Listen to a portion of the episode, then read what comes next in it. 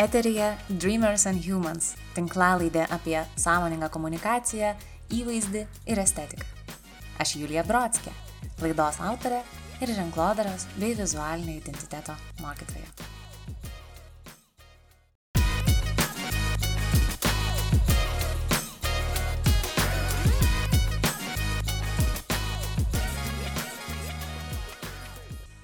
Sveiki. Dėkoju, kad klausotės šios tinklalaidės. Kai kurie galbūt jau galvojate, kad jos nebėra.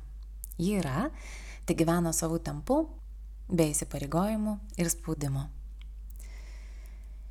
Šią vasarą perbrendau temai apie vizualinę komunikaciją.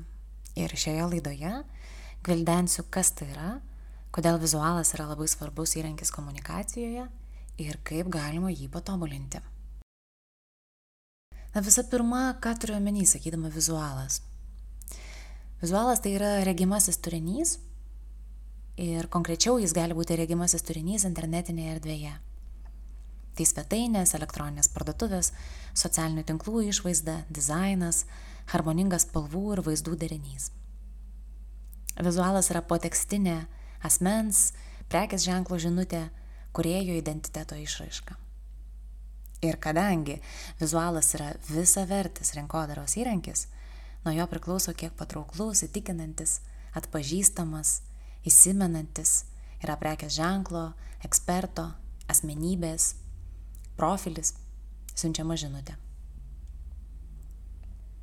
Man nuostabu matyti, kad vizualas yra puikus įrankis atspindėti mūsų pasaulį, gyvenimo būdą, charakterį, vertybės ir pasaulyje žiūrą.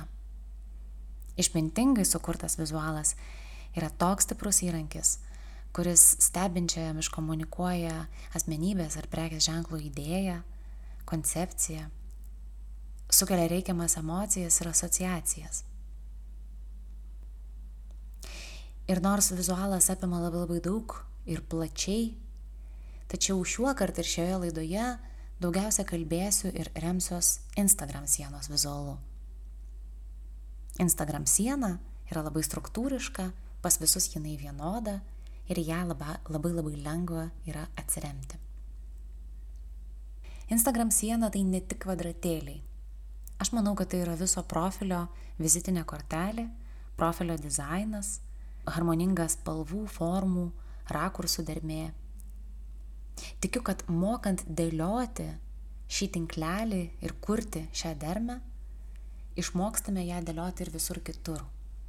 Spaudoje, maketuose, internetinėje svetainėje, žurnaluose, moodboarduose. Be jokio teksto ir papildomų paaiškinimų mes galime vien iš Instagram tinklelio išlūkštenti asmenybę, jos veikimo sferą, pomėgius, gyvenimo kontekstą. Man tai labai žavu ir labai traukia. Ypač žavu, kad šios žinutės įpakuojamos į kūrybinį vaizdą be primityvo, straight into face sprendimų, o su idėja, savitumu, drąsa išsiskirti ir nepatikti.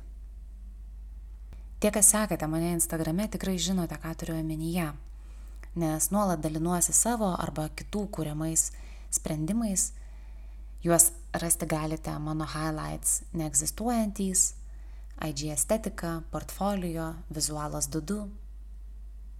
Kyla klausimas, o kaip to savitumo ieškoti?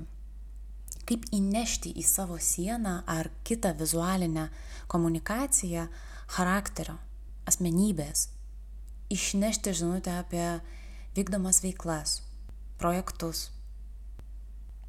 Gilindamas į šitą temą ilgainiui atradau tokį būdą, kurį esu suskirščiusi į žingsnius ir pati jį naudojau jau keliari metai, būtent tobulindama savo pačios vizualinį matymą, kurdama Instagram sienas, aš vadovaujuosi šiais žingsniais. Juos su mielu noru jums dabar papasakosiu, galbūt pritaikysite ir jūs. Taigi žingsnis numeris vienas. Tai yra nebesekti influencerių jau girdžiu auditorijos klausimus, tai kaip, kaip mes čia dabar nebeseksime influencerių. Labiausiai kalbu ir turiu omeny tuos, kurie kūrė daug reklaminio turinio, kuomet reklaminis turinys yra labai akivaizdus, kitaip vadinama tokia nuoga reklama, Aš laikau tai pakankamai primityvių ir lėkštų siūlymų įsigyti prekę, paslaugą. Iš tokios komunikacijos manau, kad nelabai yra ko mokytis. Visų pirma, iš savo sienos išdanginau tokius pavyzdžius tiek užsienio, tiek Lietuvos, kad tiesiog nebruktų į akis tokio banalaus turinio, kuris iš tikrųjų ir nemoko kūrybiškumo, ir tuo pačiu įrėmina, e, moko šabloniškumo ir nelabai kuria kokios nors vertės. Tai vien jau savo aplinkos ir konteksto išsivalymas nuo, nuo tokios komunikacijos, manau, kad jau galėtų būti pirmas vertingas žingsnis. O tuomet atsiveria erdvė ir atsiveria erdvė kitokiems, kokybiškiems ir įdomiems profiliams. Galima sekti irgi tuos nuomonės formuotojus, kurie nesivaiko madų, šablonų, kurie nesivaiko pigaus populiarumo ir iš jų iš tikrųjų yra ko pasimokyti sąrašą kelių įkvepiančių asmenybių ir man atrodo pakankamai estetiškos, gražios komunikacijos. Aš paliksiu šio epizodo aprašymą, galėsite juos susirasti, pasiekti ir tokiu būdu po truputėlį auklėti savo algoritmą, kad jisai pradėtų jums rodyti vis kitokį turinį, vis įdomesnės, kūrybiškesnės asmenybės. Tai tą labai labai kviečiu daryti. Todėl kad tai, kuo mes apsupame save, tie kitokie įdomūs, kūrybiški žmonės po truputį pradeda formuoti ir mūsų matymą ir turi didžiulės įtakos ir mūsų pačių kūrybai. Taigi čia tokie pirmieji paprasčiausi žingsniai link savo matymo treniravimo. Ir štai čia yra trečiasis žingsnis. Treniruoti savo matymą ir akį. Išeikime truputėlį iš Instagramo ir praplėskime savo vaizdą. Atraskime Pinterest, Behance, Tumblr ir kitas panašias platformas, kurios yra tiesiog pripildytos turtingų, labai labai įvairių turinių, kuris iš tikrųjų yra puikiai inspiracija tiek mūsų fotosesijoms, tiek apskritai skonio lavinimui. Ką aš turiu omeny, kai sakau matymas, matymo lavinimas? Tas matymas yra iš tikrųjų toks vidinis vaizdų bankas, vaizdų saugykla, kuris kaupėsi stebint pasaulį. Ir kas įvyksta? Lygiai taip pat kaip treniruotas kūno raumuo žino, ką daryti pratimo metu. Todėl, kad turi tam tikrą atmintį, žinojimą, praktiką. Taip ir treniruotos akies savininkas. Po truputį išmoksta greitai atsirinkti kadrus, juos dekonstruoti, supranta, kaip jie sukurti, geba juos derinti tarpusavį. Tai toksai grožio ir estetikos kompasas, kuris mums parodo, kas yra gražu, estetiška, aktualu. Ir tas vidinis matymas treniruojamas nuolat. Klausimas, kas yra aktualu. Kai kurie žmonės mėgsta sakyti, kad aktualu yra madingas sinonimas apskritai pati nelabai vartoju žodžio madinga, todėl kad jisai yra šiek tiek klišinis, pervartotas ir dažnai neša su savimi tokią neigiamą žinutę apie tai, kad, na, tai vad madinga vadinasi trumpalaikis, sezoniškas dalykas, kurio mes vaikomės ir po metų ar pusės metų mums tai yra nebeaktualu. Ir mes to nebenešiojame. Tai kadangi man pačiai yra tiesiog nepriimtina šita idėja, jinai yra ir netvari, absoliučiai priešinga identiteto ir savito stiliaus idėjai, todėl aš šito žodžio nevartoju. Bet aktualu yra dažniausiai tai, kas yra duotojų momentu, duotajame kontekste, žiūrisi gerai, visuomeniai yra suprantama ir um, svarbu. Tai nereiškia, kad mes turime prisižiūrėti to, kas aktualu, pasidaryti aktualių vaizdų, vizualų ir koncepcijų sąrašą ir sekti paskui jas. Kai kurie iš tų visuomeniai aktualių vaizdų bus neaktualūs mūsų identitetui, bus visiškai prieštaraujantis mūsų asmenybei. Todėl net ir tai, kas yra aktualu, aš labai labai kviečiu rinktis pagal save ir perfiltruoti per savo asmeninį charakterio filtrą. Bet visgi, žinojimas aktualių dalykų labai labai praverčia, todėl kad tai leidžia mums na, visiškai neišeiti į pievas, nekurti tokio turinio, kuris bus nesuprastas arba interpretuotas neteisingai. Beje, matymo akies treniravimas nėra kažkoks baigtinis žingsnis. Žinot, čia yra kaip sporto klubas. Vaikštai ir galo nematyti. Tas pat ir čia. Mes kuriame turinį patys, mokomės, tačiau nepamirštam ir toliau matyti, stebėti, regėti, mokytis. O tam, kad mokymasis būtų dar visapusiškesnis, dar kryptingesnis, kviečiu akį treniruoti ne tik tai ekranuose ir išvardintose socialinėse platformose, bet taip pat ir aplinkoje. Tai mano dažnai siūlomas pavyzdys, siūlomas sprendimas yra vartoti meną, keliauti į meno galerijas, muziejus, stebėti performansus, spektaklius, rinktis gerą kiną, be abejo klausytis muzikos ar skaityti knygas. Visa tai nuostabiai edukuoja mūsų sąmonę, vaizduotę, fantaziją, treniruoja smegenis rasti sprendimus ir būti iš tikrųjų atviriems, kūrybiškiems, labai labai laisviems. Dar vienas kūrybos ir įkvėpimo šaltinis be jokios abejonės yra gamta. Net jeigu gyvename tokioje vietoje, kur atrodo meninių įvykių nėra taip daug mūsų aplinkoje, bet gamta visą laiką yra kažkur šalia. Ir gamta yra nuostabi kompozicijų, spalvų dermės mokytoja. Man niekada dar nėra tekę matyti gamtoje negerai suderintų spalvų, kažkokio neharmoningo kontrasto gamtoje visą laiką viskas yra labai harmoninga, labai gražu, ypač kol į ją dar nėra įsikišęs žmogus. Ir labai labai kviečiu stebėti horizontus, augalus, vandenį ir mokytis iš šio visiškai nepriepiamo, neišsemiamo šaltinio. Na gerai, keliaukime prie ketvirtojo žingsnio.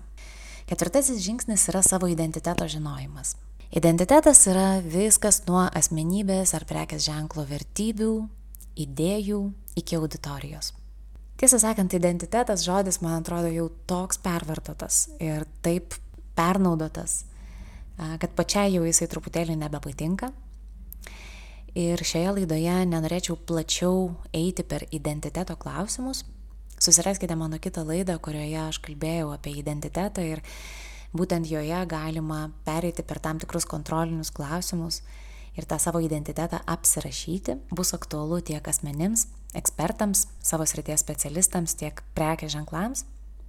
O šį kartą paminėsiu tai, kad identitetas yra svarbus pamatas ir ta kelrodė žvaigždė, kuri padeda priimti sprendimus ir vizualinėje komunikacijoje, ir mūsų kalbėjimo tone, ir visose visose kitose išraiškose, kurios yra susijusios su prekės ženklu eksperto veikla. Identitetas dažnai padiktuoja atsakymus ir yra tos gairės apsprendžiančios, kad ir pačias pačias smulkiausias detalės. Taigi būtent remiantis identitetu kuriama ir vizualinė koncepcija. O vizualinę koncepciją sudaro vizualus turinys ir jo dedamosios, spalvų gama, vizualo nuotaika, linijų, ritmo dermė ir konceptas, objektų naudojimo balansas, o taip pat vieninga estetika, prasmės, filosofija. Gerai, aš tikiu, kad čia viskas gali labai sudėtingai skambėti. Aš pateiksiu pavyzdį jums. Pavyzdžiui, dirbame su floriste. Ir mes žinome labai tiksliai jos identitetą ir pradedame kurti vizualinę koncepciją, kad žinotumėm, kaip konstruoti internetinę svetainę, Instagram vizualus ir kitas vizualinės priemonės. Visų pirma, Atsižvelgdama į identitetą ir pačią asmenybę, aš ieškočiau atsakymų, kiek vizuale turi būti pavienių gėlių, puokščių, abstrakcijų, abstrakčių vaizdų, kiek pačios floristės portretų, jos gyvenimo būdo. O kas visą tai sies? Ar kažkokia vieninga spalvų paletė? Ar spalvų blokai?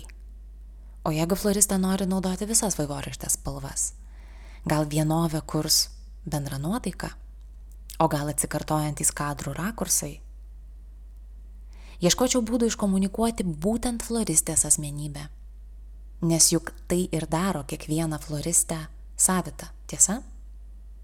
Vadinasi, žiūrėčiau jos vertybės, ideologijas, hobius ir įpinčiau visą tai į vizualinę komunikaciją kartu su produktais, paslaugomis, bendra kuriama idėja ir filosofija. Tai yra labai labai įdomus procesas, kuris visą tai, kas yra užrašyta žodžiais arba sugalvota protu, išmoko mus įpinti į vizualinius sprendimus ir siūsti tas pačias žinutes, tačiau kurti jas per asociacijas, per spalvų nuotaikas, per emocijas. Siūsti tokias žinutės, kurias žiūrovas ne visada supranta sąmoningai, bet jaučia, kad jį kažkas traukia arba atvirkščiai atstumia. O tuomet, kai jau turime tą vizualinę koncepciją, mes pradedame galvoti apie įgyvendinimo stadiją. Kai jau žinome mūsų norimas vizualų temas, nuotaikas, spalvas, prasmes, galime imtis fotografijos arba filmavimo. Galime savo Instagram sieną arba kitus vizualus susifilmuoti, susifotografuoti patys arba kviestis profesionalą. Aš labiausiai esu autoportretų gerbėja, man patinka tos paskiros, kurių kuriejai daugiausia fotografuoja patys ir tik tai labai nedidelę savo komunikacijos dalį atiduoda fotografams. Man atrodo, kad būtent tokie profiliai labiausiai yra organiški, gyvi, tikri, kupini netobulumo ir tos tokios tikros gyvenimiškos kasdienybės. Bet dabar žiūrėkime, su kokia situacija dažnas iš mūsų galbūt esame susidūręs arba susidūrinėjame nuolatos dabar. Ar dirbame su fotografu, ar dirbame vieni, E, tikrai tai pasitaiko tokie atvejai, kad dirbame be fotosesijos plano ir be konkrečių užduočių jai. E, mes, tarkime, susitinkame su fotografu iš anksto numatytoje lokacijoje, įspėję jį apie tai, kam yra skirta fotosesija ir kas joje vyks, bet ne kiekvienas fotografas iš tikrųjų rūpinasi tuo, kad fotosesija turėtų savo aišku planą. Kas yra tas fotosesijos planas? Tai reiškia, kad mes žinome, kurioje lokacijoje viskas vyks, mes žinome, kokia bus tuo metu šviesa, kiek kartų mes persirengsime, kokiu mums reikės papildomų priemonių, drabužių, kitų atributų ir aksesuarų. Lygiai taip pat mes e, netgi jeigu pasirūpiname šiais dalykais, ne visada mes pasirūpiname tuo, o kokių kadrų mes norėtumėm, kokius mes turime užmanimus, idėjas, kokias komunikacinės žinutės mes norėtumėme į tuos kadrus integruoti ir jas išpildyti. Vadinasi, vėlgi atvažiuojame su labai labai daug daiktų ir nebūtinai žinome, ką su jais daryti, sėdėti, stovėti, gulėti, bėgti ar taip toliau. Ir lygiai tas pats vyksta ir su fotografavimusi namuose. Mm, tarkim, aš taip pat irgi kartais darau tokias eksperimentinės fotosesijas namuose, kuomet fotografuojuosi pati savo telefonu bet tam, kad jos įvyktų sklandžiai, kad jos vyktų pakankamai efektyviai ir greitai, kad tam nebūtų sugaišta visa diena, aš turiu iš anksto pasiplanuoti, kelintą valandą aš fotografuosiuos, ar bus tiesioginė saulė, ar nebus, koks bus fonas, galbūt reikia padaryti tam tikrą pasiruošimo darbą, kad fonas būtų tinkamas, taip pat kokiu man reikia priemonių, atributų, drabužių ir netgi turiu tą pasidariusi fotosesijos planą, kad aš žinočiau, kokie kadrai turi įvykti, kiek turi būti makro kadrų, kiek turi būti portretų, visų ūgių nuotraukų ir vėlgi, kokia yra kiekvienos iš tos nuotraukos prasmė ką jinai toliau veiks, kaip jinai integruosis į bendrą komunikacinį kontekstą. Tai reiškia, kad ta kūryba, jinai dažnai būna ir tokia kažkiek planuota, kūruota ir pakankamai sąmoninga. Taigi labai labai noriu uždėti akcentą šioje vietoje, kad tam, kad fotosesijos būtų ir malonios, ir sėkmingos, ir važiuotų su tiekme, kad ir kurį variantą renkamės, būtų super, jeigu mes eitumėme su planu, su moodboardu, su fotosesijos referencais ir darytumėm tikrai viską išmintingai ir maloniai. Ką taip pat darau kartais pati, ypatingai dirbdama su savo klientais, Aš ne tik tai, kad į fotosesiją einu kaip į kūrybinę erdvę, tuo pačiu dar prieš fotosesiją atsirinkusi referensus iš interneto, referencai yra pavyzdžiai, nuotraukų kadrų arba idėjų užmanimų, aš jau juos padėlioju į Instagram sieną ir pasižiūriu, kaip visą tai atrodys. Gal vis dėlto šitame taške netgi matysiu, kad norisi kažką išmesti, kažko bus perteklius, atsiras kažkokia vizualinė košė, bet tokiu būdu fotografavimo stadija turi labai labai daug savyje tokio konkretumo ir aiškumo. Yra labai aišku, kur kuris kadras bus panaudotas. Be jokios abejonės, tai nereiškia, kad e, iš čia dinksta bet kokia kūryba, kūryba vis tiek lieka. Nes pasižiūrėkime, ką mes gautumėm Jeigu mes tiesiog fotografuotumėm nuogai, bukai, pagal pavyzdžius iš interneto, tai būtų kopijavimas ir netgi tam tikrą prasme atitinkamų kuriejų teisių pažeidimas. Tai kopijuoti niekada nekviečiu. Referencai, pavyzdžiai yra idėjos, yra sufleriai, bet kadangi vis tiek kiekvieną idėją mes perlėjam per savo pačių asmenybę, per savo pačių skonį ir bandydami jas įgyvendinti, atkurti savitai, mes dažniausiai vis tiek sukūrėme visiškai kitą vaizdą, netgi kitą nuotaiką, net jeigu atrodo, kad vizualiai kadras galbūt yra panašus. Tai šioje vietoje norisi taip nuraminti, kad referencai ir fotosesijų pavyzdžiai nėra kopijavimas, tai yra atsispyrimo taškas, nuo kurio mes jau vis tiek einame gilyn į save ir per savo asmenybės arba prekės ženklo koncepciją žiūrime į išpildymą. Paskutinėje stadijoje yra atsirinktų tinkamų kadrų derinimas tarpusavyje, kuriant harmoningą akį traukiantį vaizdą. Ir būtent naudojantis tam tikrais principais, taisyklėmis, laisvai interpretuojama schema galima sukurti tikrai gražią, įsimenamą ir kabinančią Instagram sieną.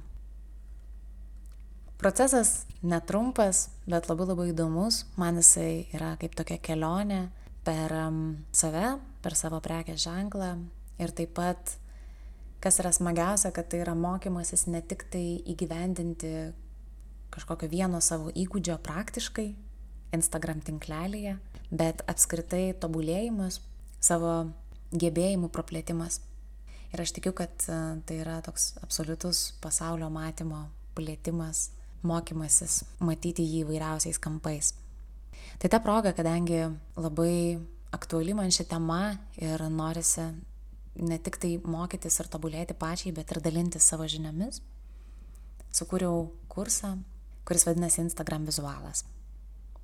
Šis kursas yra kelionė per visus šituos išvardintus etapus su namų darbais, su septyniais moduliais ir septyniomis temomis, kurios padeda po truputį, po truputį tobulėti vizualiniam pasaulyje.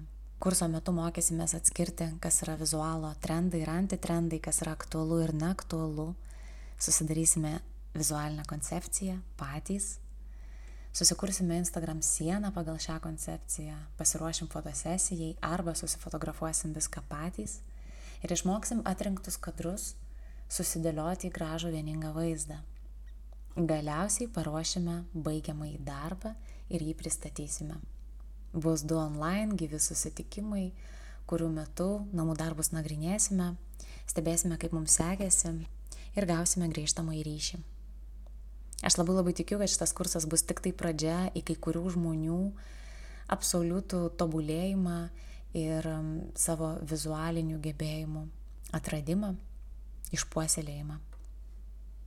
Paleidus kursą, sulaukiau ne vieno klausimo apie tai, bet ar iš tikrųjų jisai yra toks aktualus, kai Instagramui yra svarbiausia šiuo metu yra video, reelsai, visiškai kitokio pobūdžio turinys ir nuotraukos jos taip eina jau po truputėlį į prioritetų sąrašo galą. Turiu pasakyti, kad šita tema yra spekuliuojama nuolat ir su technologijų tobulėjimu ir besikeičiančių socialinių tinklų pasauliu yra dažnai kalbama apie tai, kad nuotraukos vis mažiau aktualios, tačiau aš esu šimtų procentų įsitikinusi, kad nei fotografija, nei statinis vaizdas tikrai nemirs.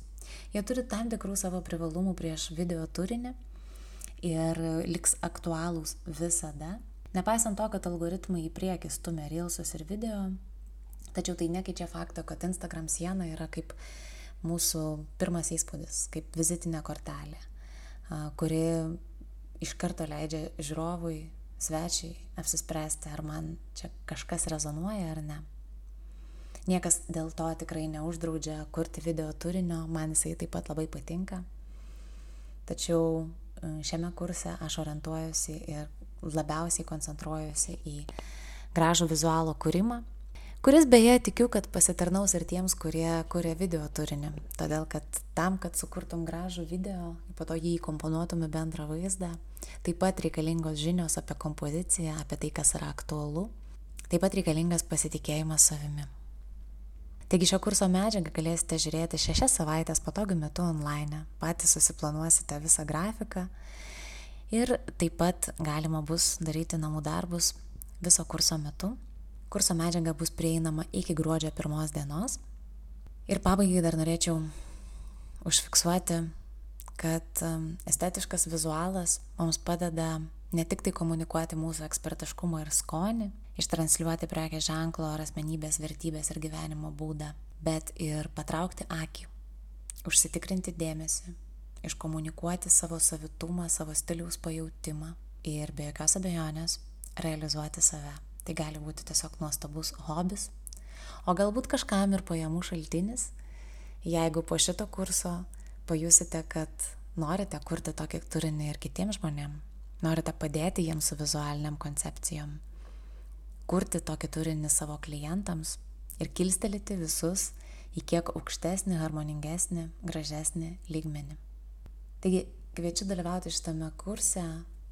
Šiuo metu kurso kaina yra 177 eurai, tačiau visą šią savaitę iki pat rūpjūčio 15 dienos yra taikoma speciali pre-order kaina ir toji kaina yra 127 eurai. Bilietų nuorodą paliksiu šito epizodo aprašyme, o taip pat aktyvę bilietų nuorodą galite rasti mano Instagram paskyroje Julija Brodskė. Malonios likusios vasaros, gražaus, estetiško, vizualiai savito, įdomaus, kūrybiško gyvenimo ir kasdienybės ir iki kitų susiklausimų.